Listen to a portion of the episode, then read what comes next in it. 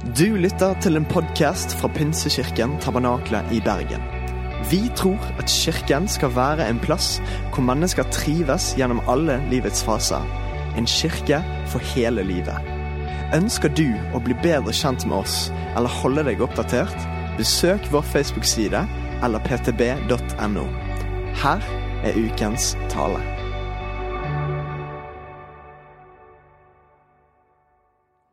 Vi skal ha en liten miniserie denne søndagen og neste søndag som handler om raushet.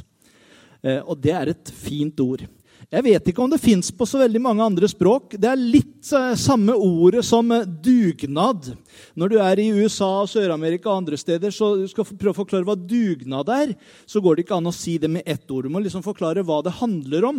For det er litt sånn særnorsk, det der med dugnad. Eh, og jeg har litt på følelsen at ordet raus det er også litt sånn særnorsk. Jeg, jeg, vet ikke om jeg har funnet det liksom helt på noen andre språk, hva dette ordet å være raus er for noe. Eh, med en gang så tenker vi på det å gi, og det er det vi skal snakke litt om i dag. Og neste søndag så skal André ta oss med videre i forhold til raushet, i forhold til det å tjene, i forhold til det å leve livet sammen. Men raushet For å forklare det ordet så tenker jeg at det har med en holdning og et ideal å gjøre. Raushet innebærer mer enn bare gavmildhet og sjenerøsitet, som kanskje er to synonymer til raushet. Raushet hos eh, personer handler vel så mye om ikke-materiell som materiell sjenerøsitet.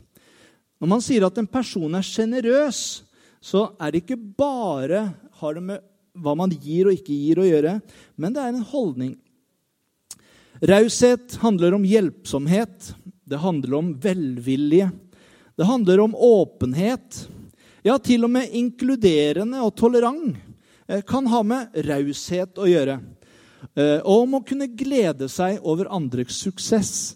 Det er i hvert fall med raushet å gjøre. Eh, glede seg over at det går bra for andre. Da har man en raus holdning. Men i dag skal vi se på raushet i forhold til det å være en giver. Eh, å gi av sin overflod er jo et uttrykk vi ofte bruker når det gjelder å samle inn til de som trenger det i verden. Og mange gir av sin overflod. Du har kanskje vært med og gitt, du har kanskje vært med og baka til eh, speideren som skal ha loddsalg til inntekt for speideren, eller et korps eller et buekorps, eller hva det nå er. Så har du vært med å lage ting for at eh, man skal være med å gi til det. Det handler om raushet. I form av nasjonal bistand eller misjon til andre deler av verden så kan vi få lov til å kjenne at mennesker er rause. Og eh, Vi var skikkelig oppmuntra her forrige uke. Da hadde vi to forskjellige viktige anledninger som vi hadde i eh, kirka her. Det ene var et møte hvor vi satte fokus på eh, de som sliter under alkohol og narkotika osv. Og så var det fullt opp her en torsdag kveld. Og den rausheten gjorde at når man tok opp kollekt til dette, så kom det faktisk inn 22 000 kroner til det formålet. Det syns jeg er fantastisk. Ja, det syns jeg dere kan gi dere en klapp for. Og så kan man jo tenke det var veldig og raust de var. Og så kom vi neste søndag, forrige søndag. Jeg fikk ikke vært her da, vi var eh, og hjalp noen andre. Men på det møtet så ble det presentert et annet viktig formål med Open Heart og arbeid i Ukraina blant de som er fattige og ikke har det så godt som oss. Og det kom inn totalt både i løfter og gaver over 50 000 kroner til det arbeidet. Noen burde i hvert fall gi dere en klapp. Jeg mener, det her handler om raushet. Det handler om å vise glede av å gi til andre mennesker. Alle har vi en eller annen gang vært med og gjort og bidratt til noe i forhold til dette. Og Bibelens fortelling om enken Skjerv forteller at materiell raushet ikke bare handler om kanskje hvor mye jeg gir, men vel så mye hvor mye jeg har igjen etter jeg har gitt. Og Jesus forteller nettopp dette Eh, fordi at disiplene de sto der etter en kollekte som de var og titta på i tempelet. Og de ble så veldig begeistra, for en del rike folk kom der og ga noen gode gaver. Og så kommer det en fattig, stakkars enke, og så legger hun ned noen få mynter oppi offerkurven. Og Dere kan lese om det i Markus 12. Der står det Jesus satte seg rett overfor tempelkisten, og han så på hvordan folk la penger i den. Mange rike ga mye, men det kom også en fattig enke og la to småmynter hvert noen få øre. Da kalte han disiplene til seg og sa, 'Sannelig, jeg sier dere:" Denne fattige enken har gitt mer enn noen av de andre som la penger i tempelkisten, for de ga alle av sin overflod.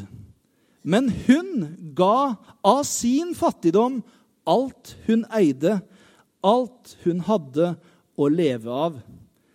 Jeg tenker denne enka viste raushet nesten på grensen til det ekstreme.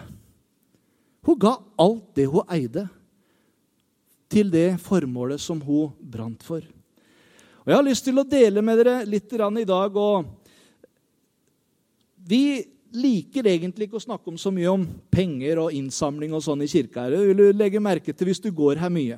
Men eh, i dag er det dagen hvor vi skal snakke litt om det. Og Da håper jeg det er ok at vi deler litt om hva egentlig betydningen er med givertjeneste. Og jeg tenker, Hvis vi skal snakke om det å gi, så er det først og fremst viktig å forstå det rette eierforholdet i forhold til det vi får lov til å være med og bidra med å gi. Og Bibelen taler om hvem som er den rette eieren av alt.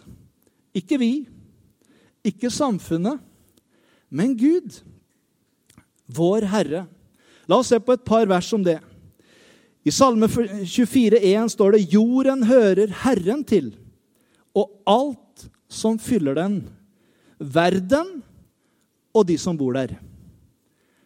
Det er ikke så mye igjen da. Hvis alt hører Herren til, de som fyller den, verden og de som bor der, hører Herren til.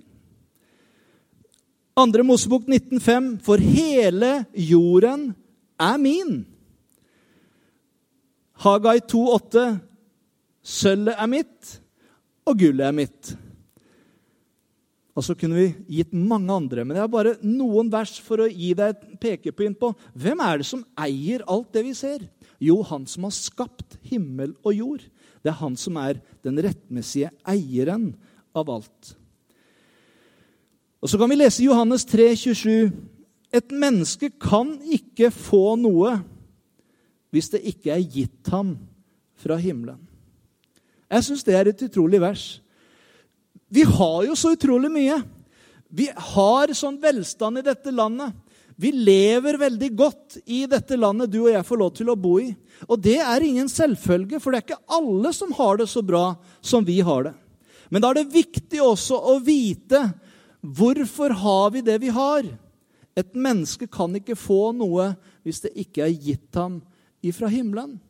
Og jeg tror at det fins noen åndelige, gode lover som dette landet har vært bygd på. Noen verdier som har vært guddommelige verdier, som bl.a. de ti bud, som har fått lov til å være med å prege lovverket i dette landet, som har gjort at dette landet har vært velsignet av Gud. Og det finner vi igjen når du leser i Gamle testamentet. Det er mye vanskelig i Det gamle testamentet. Det er mye som vi ikke helt forstår, og, og, som vi ikke helt greier å sette sammen. Men det er noen parameter der, det er noen verdier der som vi ser igjen og igjen. Og Gud sier til folket, 'Dersom dere lever etter mitt ord, dersom dere gjør vel og, og er snille med folk og gjør det som vi har sagt det, så, gå, så, skal dere gå det vel. Og jeg skal velsigne dere i det landet dere kommer til.' Altså, Noen sånne ting La meg bare vise noen av disse. Og det gjorde at eh, folket de ønska å leve rett i forhold til Gud. Og de opplevde også at eh, når de gjorde det Guds ord sa, så gikk dem det vel. Men så var ikke de bedre enn oss, at av og til så tenkte jeg ja, hvis vi ikke gjør alt sammen riktig, da? Og så prøvde de seg, og så glemte de Guds ord. Og så begynte de å tilbe andre guder, og så gikk de bort fra Gud og de verdiene som han hadde sagt at de skulle gjøre for at det skulle gå dem vel. Og det som da skjedde, var at det gikk ikke så vel. Fienden tok over. De som eh, snylterne holdt jeg på å si, fra de forskjellige land, de inntok landet, de tok avlingene deres. Og de opplevde at det var ikke så enkelt. Men så står det igjen og igjen, og det er fantastisk. Du leser i Gamle Testamentet. Da vendte de seg igjen til Herren, og Herren tok hånd om dem og velsignet dem. Og så ser du igjen Når man tok tak i disse verdiene, så opplevde de Guds velsignelse. Og Derfor kan David også skrive i Salme 100.: Tjen Herren med glede. Han har skapt oss, vi er hans. Da Gud sendte sin sønn til verden for å gi oss liv, kjøpte han oss fri, som vi også hørte i innledningen her, fra synden og døden. Og synden, den førte oss bort ifra Gud. Men Jesu død på korset, den førte oss hjem igjen til Gud. Vi er hans når vi tar imot hans frelse. Og Det er som denne gutten som hadde laga en båt, og så fiksa han han opp, og så prøvde han han ut liksom nede ved eh, strandkanten. Han hadde laga den, han hadde produsert den. Men så plutselig, i en bølge, så ble båten borte, og han fant han ikke mer. Det er en gammel historie som sikkert noen der husker igjen fra, fra søndagsskolen, dere som er 50 eh, pluss. Ja, Og så skjedde det at denne gutten ble så lei seg. Og en dag som han går på skolen, så ser han plutselig der i en brukthandel i byen så ser han, Men det er jo båten min! Det er jo den båten som jeg laga! Og så drar han hjem og så sier han, 'Pappa, pappa, han brukthandelen, han har båten som er min.' Og Så ble pappa med han til brukthandel, og så sier han brukthandelen at ja, nei, du skjønner at den her, har jeg kjøpt av en sjømann som kom forbi, og solgte han fordi han fant den flytende ute på havet. Og jeg har betalt for den, så hvis du vil ha den tilbake, så må du nok betale for den, gutten min, sier han. Og han går hjem og knuser eh, sparegrisen sin og kommer tilbake til denne brukthandelen. Og så kjøper han tilbake sin egen båt. Og så er uttrykket til denne gutten når han kommer hjem og sier, 'Nå er du to ganger min.' For først skapte jeg deg, og så kjøpte jeg deg. Og Jeg syns at du leser noe av Guds historie i denne fortellingen. Gud han skapte oss perfekte.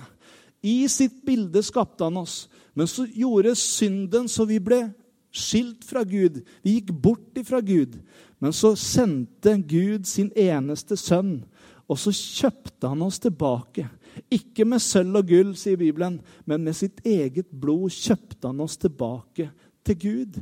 Og så er det akkurat som Gud sier, nå er du to ganger min.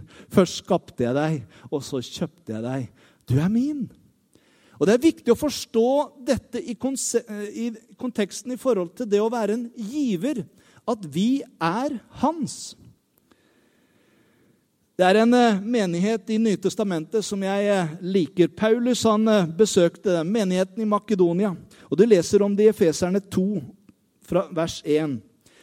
Var gang, dere var en gang døde vi kommer tilbake til den. Bare dele det med frelsen først. Dere var en gang døde pga. misgjerningen og syndene deres. Dere levde i den på den nåværende verdens vis og lot dere lede av herskeren i himmelrommet. Den ånd som nå er virksom i det ulydige. Ja, vi levde alle en gang som de. Vi fulgte lysten i vårt eget kjød og blod og lot oss lede av det og av våre egne tanker. Vi var av naturen vredens barn, vi som de andre. Men Gud, som er rik på barmhjertighet, fordi han elsket oss med så stor en kjærlighet, gjorde han oss levende med Kristus, vi som var døde på grunn av våre misgjerninger. Av nåde er dere frelst. Så står det fra vers 10.: Vi er Hans verk, skapt i Kristus Jesus, til gode gjerninger, som Gud på forhånd har lagt ferdig for at vi skulle gå andre i dem. 2. Korinterne 5, 15. Han døde for alle, for at de som lever, ikke lenger skal leve for seg selv, men for Han som døde og sto opp for dem. Jeg kommer tilbake til den menigheten i Makedonia. En eh, ganske kontroversiell mann, eh, frittalende person i landet vårt, døde 13.9. Han heter Per Fugelli. Er det noen som har hørt han eller sett han debattere? Han var en ganske frittalende mann. Eh, ganske rå i eh, munnen kunne han av og til være også.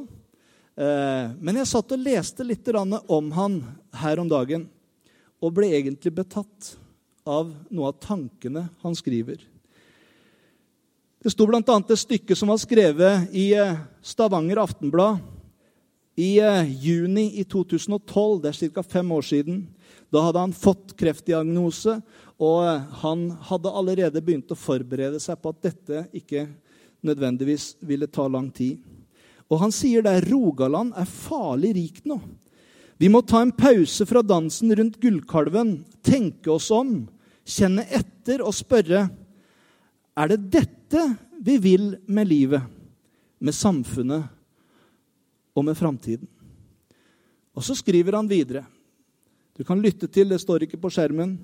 Materialismen tar friheten fra oss ved å stjele tid og krefter. Vi bruker store deler av livet på å tjene penger, kjøpe og selge ting, dyrke ting, vedlikeholde ting og vokte ting. Materialismen beslaglegger så mye tid og oppmerksomhet og energi at friheten til å velge andre livsgoder for mange blir illusorisk. Lykkeforskningen klargjør at over et visst materielt nivå er det ingen videre økning i lykke med økende velstand. Tvert om kan mer penger og ting fortrenge de evige og bærekraftige kildene til helse. Og så snakker han om hva det er for noe. For han sjelefred, lek Og så uttrykker han det samvær med guder mennesker og natur, sosial innsats og politisk engasjement.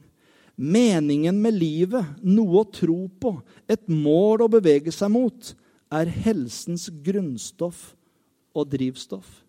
Materialismen fører lett mennesker inn i den ufriheten som heter gjeld, ikke bare gjeld til banken, men også gjeld til klokka, til kalenderen, gjeld til kroppen og sjelen, gjeld til familien og venner, gjeld til samvittigheten. For frihetens skyld er det viktigere å eie seg selv enn penger og ting. Og Så sier han videre materialismen som mål og målestokk er særlig farlig fordi den er uten grenser. Det finnes ingen grense for hva du kan kjøpe for penger. Hvis du tror at lykken, tryggheten, identiteten og renommeet kan kjøpes for penger, blir du aldri fornøyd. Det går alltid an å tjene mer, å kjøpe mer og stille seg ut med dyrere ting. Det er alltid noen som er rikere enn deg, har mer og derfor er mer enn deg. Materialismen er de utilfredtes livsform. Vi får verken kroppsfred eller sjelefred av å danse rundt gullkalven. Helsen, trivselen, tryggheten og gleden blir ikke bedre av mange penger og ting. Kanskje hjelper det på motet å stille spørsmålet pengene eller livet? Veldig bra skrevet av Per Fugleli. Og veldig tankevekkende i forhold til det vi snakker om nå. Derfor så tror jeg at Bibelen oppmuntrer oss til å leve for noe som er større enn oss selv. Det handler ikke om å karre til seg mest mulig. Det handler ikke om å bygge opp sin egen formue, men det handler om å få lov til å se at vi er en del av noe større noe som Gud har satt oss inn i, og som vi får lov til å være med å velsigne. Bibelen kaller grådighet for avgudsdyrkelse.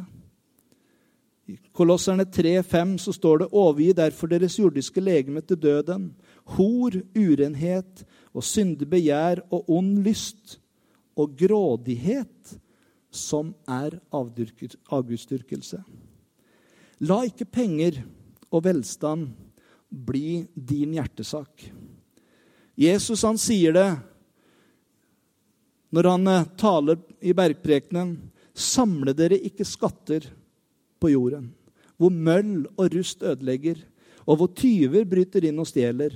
Men samle dere skatter i himmelen, hvor verken møll eller rust ødelegger, og hvor tyver ikke bryter inn og stjeler. Og så sier han noe viktig.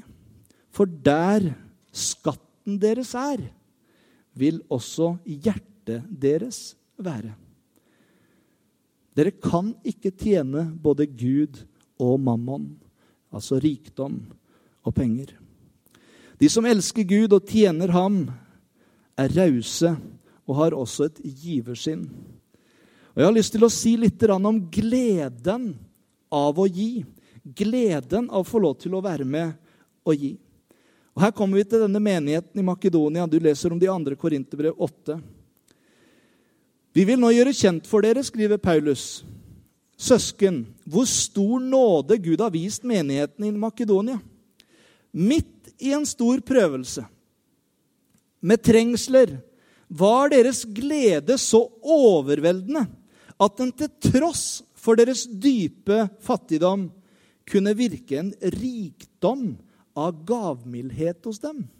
Legg merke til det uttrykket. De var fattige, men de hadde en rikdom av gavmildhet. For jeg kan bevitne at de ga frivillig etter evne. Da tenker du det var vel ikke mye. Men så står det ja, over evne. Og de ba oss inderlig om at måtte, vi måtte ta imot gaven og fellesskapet i tjenesten for de hellige. Og de ga ikke bare slik vi hadde håpet, men de ga seg selv. Først til Herren og så til oss ved Guds vilje. Jeg tenker, Det her er så fantastisk.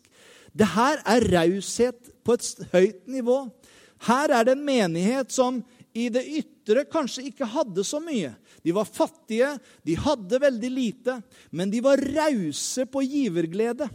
De var rause på det å dele av det de hadde, av det lille de hadde. Og så fikk de lov til å være med og bygge. Og når de kom rundt, og Jerusalem de lå nede, menigheten der. Og så går de forbi Makedonia og så tenker de det er kanskje ikke så mye vi kan få her, for dere har jo ikke så mye. Så sier de vær så snill, ikke gå forbi oss. Vi ønsker å være med. Ikke bare ønsker vi å være med å gi, men er det noe vi kan gjøre, så regn med oss. Altså, Det er raushet. Vi har fått lov til å reise rundt i forskjellige steder i verden. Og det å av og til se en del fattige menigheter rundt omkring, og den fantastiske rausheten og givergleden de har, det er helt utrolig. Vi har kommet steder hvor det kanskje var to-tre høner de hadde gående rundt på tunet. Og når det kom gjester, så slakta den den ene høna de hadde. Og så var det middagen som de serverte deg den dagen. Og du tenker ja, men kjære vene, ikke gjør det for oss. Vi har jo nok, men det, det, her er jo det eneste dere har. Men gleden av å få lov til å være med å gi. Jeg husker når vi bygde menighet i Argentina, i et område oppe i nord, eh, ganske fattigslig. Og så begynte vi å undervise dem om det å ha giverglede. Og jeg husker en del, og også noen misjonærer, de sa dere kan jo ikke snakke om tiende og gaver og, og sånt til dem. De er jo så fattige. Du skulle hørt de folka da. De ble sure og sa 'Vi vil være med!' Hva tror dere? Vi, vi vil være med, vi òg. Og så ser du denne menigheten fikk lov til å være med å bygge sin egen kirke. Fikk lov til å være den første menigheten i Nord-Argentina som hadde en pastor som var fullt lønna av menigheten sin. Det er denne fattige området i Nord-Argentina som sa 'Vi vil være med'. Jeg tror det ligger en velsignelse i å oppleve denne rausheten. Få lov til å skjønne alt det jeg har, det har jeg fått av Gud. Og det jeg gir tilbake til han, det er jo bare velsignelse tilbake til meg igjen. Og så får du lov til å oppleve nettopp dette. Wow! De hadde sikkert hørt Jesu prekener fra bergprekenen, de også om å ikke gjøre seg bekymringer og si 'hva skal vi spise', eller 'hva skal vi drikke', eller 'hva skal vi kle oss med'. Alt dette er jo hedningene opptatt av. Vi er jo ikke hedninger, vi er jo frelst, tenkte de. Men den far dere har i himmelen, vet jo at dere trenger alt dette. Søk først Guds rike og hans rettferdighet, så skal dere få alt det andre i tillegg. Hva var alt det andre? Hva vi skal kle oss med, hva vi skal eh, spise, og hvor vi skal bo hen. Ja, det skulle Gud velsigne dem med, og de opplevde nettopp dette. Når du gir til Herren, så ærer du Han med det du eier. For du vet jo hvem som har velsigna deg med det. Han har gitt deg livet, kreftene til å jobbe, arbeidet ditt. Det å få lov til å være heldig å bo i Norge, få muligheten til stipend Til og med når du ikke har jobb, så får du arbeidsledighetstrygd. Det er ikke gitt alle rundt omkring i verden å få de godene. Vi er kjempeheldige i et velsigna land, og som får lov til å se at Gud er der.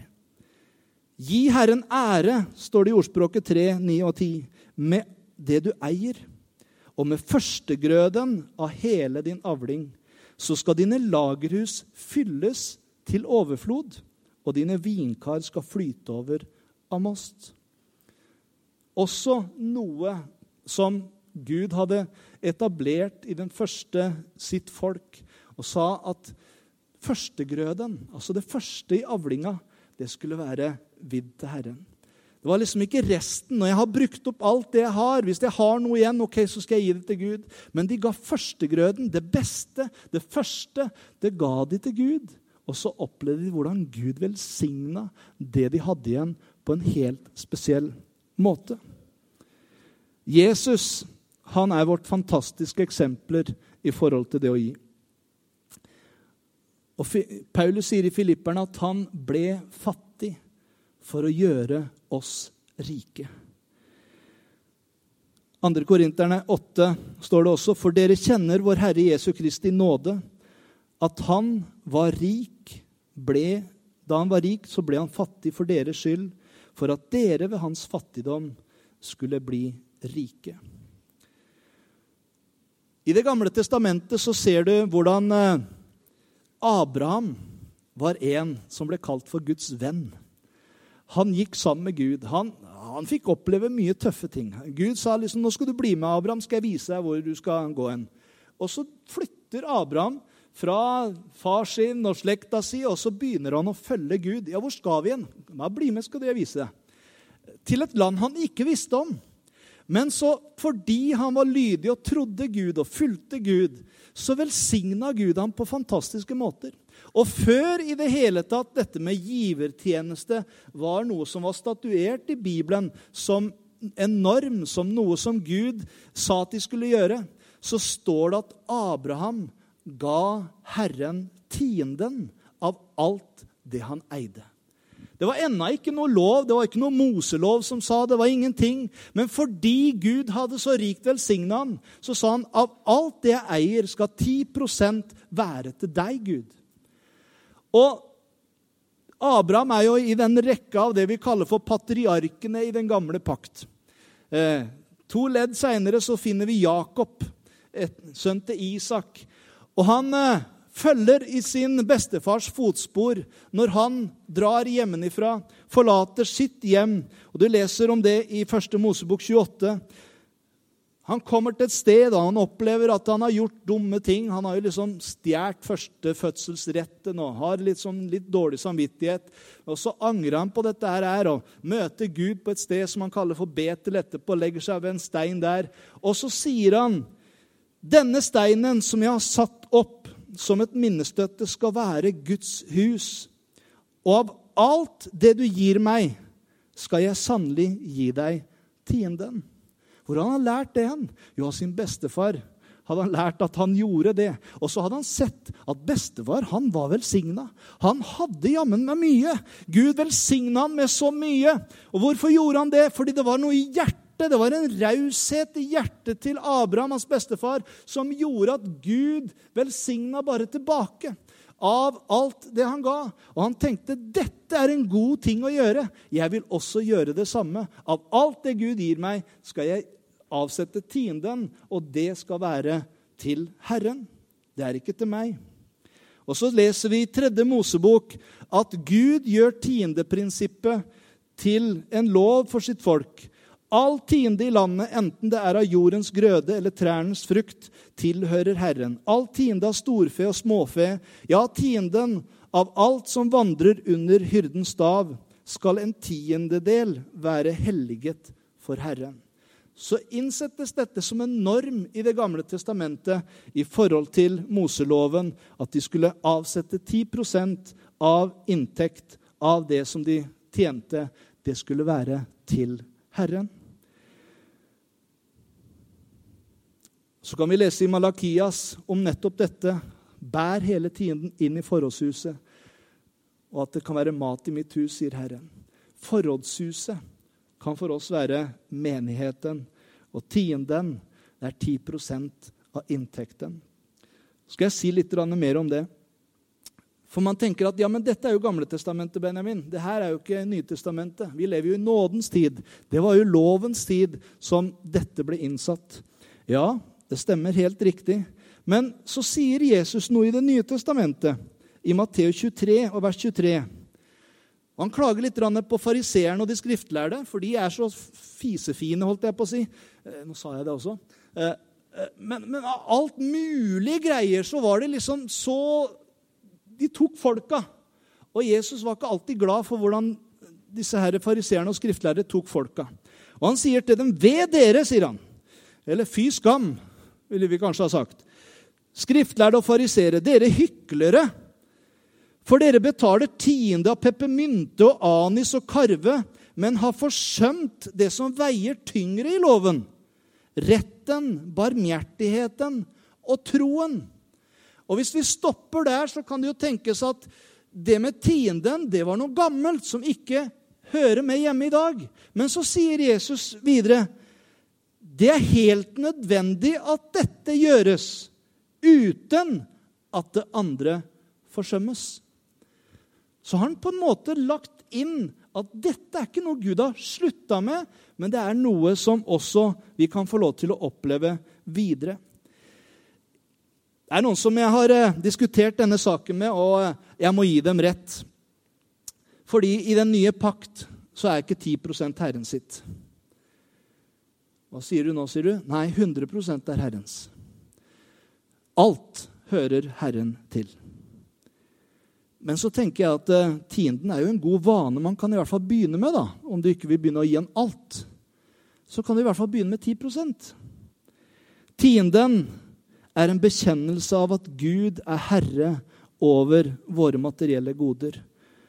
Og jeg tror at det er en god åndelig prinsipp uavhengig av tidene. Vi ærer Gud ved å gi Han av våre midler. og gi Han tiende. Og vi bevarer også vårt hjerte fra å bli materialistiske. Hvordan fungerer det i praksis, sier du? Jo, når du får lønninga hver måned, så avsetter du 10% av det. Det er Herrens. Og så får du lov til å ta en bestemmelse på det. Du må gjerne begynne med mindre, eh, men det er en god rytme rytme og få lov til å lære seg å gi, og så få lov til å kjenne, og på den måten også anerkjenne at Han som har velsigna meg med alt det jeg har, det er jo Herren. Så hvorfor skulle ikke jeg gi tilbake til Han det som egentlig bare er hans? Jeg mener, Det er jo fantastisk. Eh, det er ikke sånn som Åge Samuelsen sa en gang. Han liksom samla inn kollekten, og så kasta han det opp, og så sa han, 'Herre, ta det som er ditt, og resten er mitt', sa han. Eh, det er ikke sånn det, handler, eh, det, det er egentlig. Men det er noe med at jeg har et hjerte i forhold til å vite Gud har velsigna meg. Alt er jo hans. Egentlig, hvis du snur det, snur det, på hodet, så er det fantastisk. Gud han er fornøyd med 10 og lar meg sitte igjen med 90 Det er jo helt fantastisk. Gud, han vil velsigne den som gir. I siste delen av Malakias sti så står det Prøv meg på dette, sier herskarenes herre, om jeg ikke vil åpne himmelens luser for dere og utøse en slik velsignelse for dere at det ikke er rom nok til å ta imot den. Gud er raus når han velsigner tilbake. Lukas 6 så sier han, 'Gi, så skal det bli gitt dere'. Og Det er ikke sånn at det liksom du gir så mye, så gir Gud deg så mye tilbake. Men du ser litt av hans hjerte i dette verset. Et godt mål som er presset, ristet sammen og renner over, skal bli gitt dere i fanget. For med det samme mål som dere bruker, skal det måles opp tilbake til dere. 2. Korinterne 9. Men dette sier jeg, den som sår sparsomt, skal også høste sparsomt, og den som sår rikelig, skal også høste rikelig. Enhver skal gi slik han har bestemt seg i sitt hjerte, ikke motvillig eller av tvang. Og det er kjempeviktig. Har du ikke lyst til å gi, la være. Du skal ikke gi av tvang eller motvillig, fordi Gud elsker en glad giver. Så jeg har lyst til å avslutte med en historie. For de fleste av oss så er eh, kanskje Colgate-produktene en del av det daglige livet. Er det noen som har sett Colgate-produkter her? Tannkrem, tannbørster, skyllevann. Men visste du også at Colgate også har såper, skyllemiddel, eh, at de har eh, vaskemiddel, Palmolive, Sanex, Ajax, klorin, Dunlett og lignende. Kunne bare fortsatt. Det er et stort konsern i verden som nettopp William Colgate fikk være med å starte. Men det har lyst til å fortelle deg om denne karen. Hadde du noen gang trodd at den hvite, mintsmakende pastaen som du klemmer ut av tuben hver morgen, kunne fortelle deg noe? Og la meg lese litt. Den har et enormt vitnesbyrd om Guds trofasthet over en mann som var villig til å ta Gud på alvor. Han heter William Colgate. Colgate-familien flyktet fra England og bosatte seg i Amerika under borgerkrigen. Robert Colgate, Wilsons far, var bonde. Eh, og Williams far var bonde. Og William var interessert i å lage såpe. Og i en alder av 19 år så starta han sin egen bedrift med tantens økonomiske hjelp. Og Han produserte såpe under eget navn, men dessverre så ble ikke virksomheten så veldig god. Det ble faktisk en fiasko. Selv om William måtte stenge sin opprinnelige virksomhet, så var han fast bestemt på å lykkes på å lage såpe. Og oppmuntringen kom ved at han leste i Bibelen, og også gjennom en venn. I første Mosebok 28, 20-21 leste han om Jakob, som ga Gud et løfte når han dro hjemmefra. Og Det er det vi leste.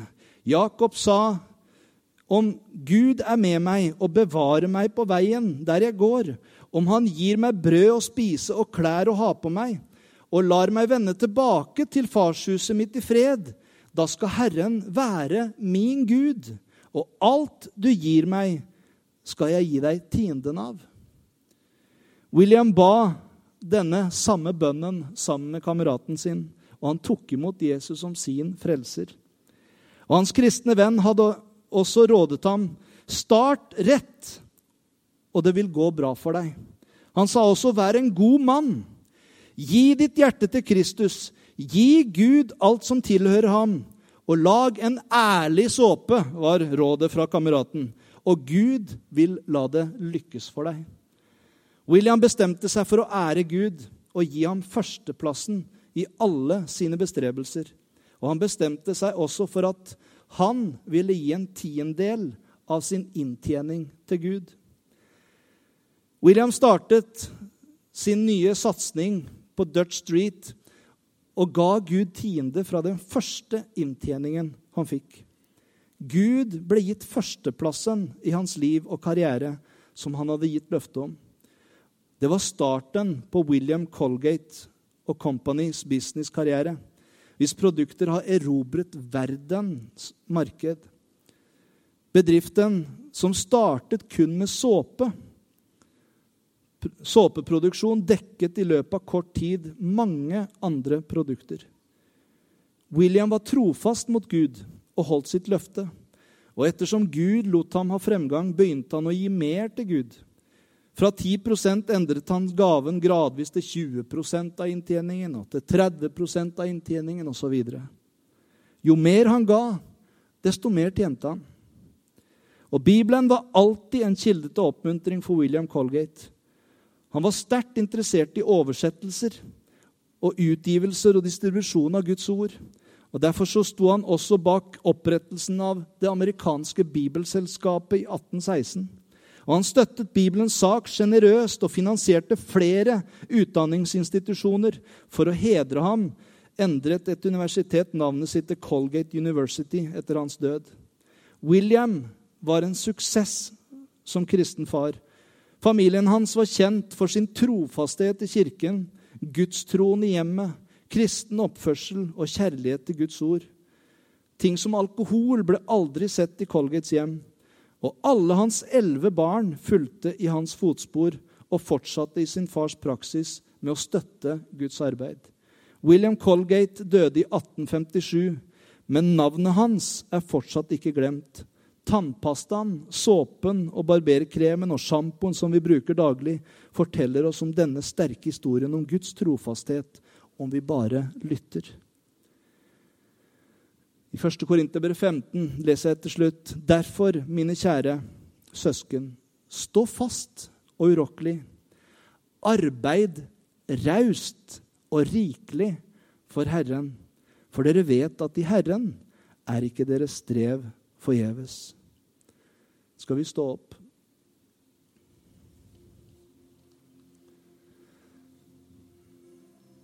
Jeg tenker at valget er mitt og ditt. Hvordan ønsker du å leve ditt liv? Gud, han har skapt deg til den du er, og har velsignet deg med alt det du har.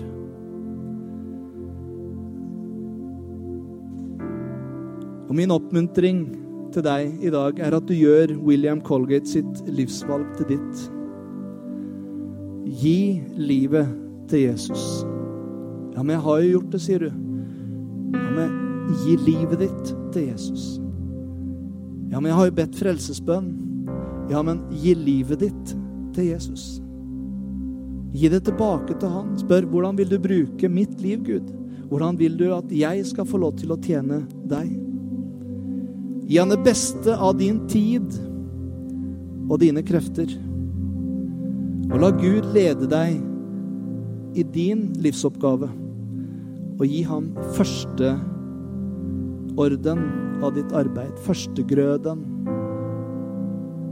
Om det er 10% eller det du bestemmer for. Hvorfor ikke begynne å gi ham 10% av det du har? Og vær til velsignelse for andre og i Guds rike, der hvor Han leder deg. Herre, jeg takker deg for at du er her. Og jeg takker deg for at du har gitt oss så utrolig mye. Du elsker oss. Og du har gitt oss også normer i ditt ord for at det skal gå oss vel, Herre. Nå takker jeg deg for at du også utfordrer oss til å se gleden av raushet i forhold til å gi av tid og krefter og evner, tjeneste, men også av våre midler. Takk at det begynner med å gi vårt liv til deg.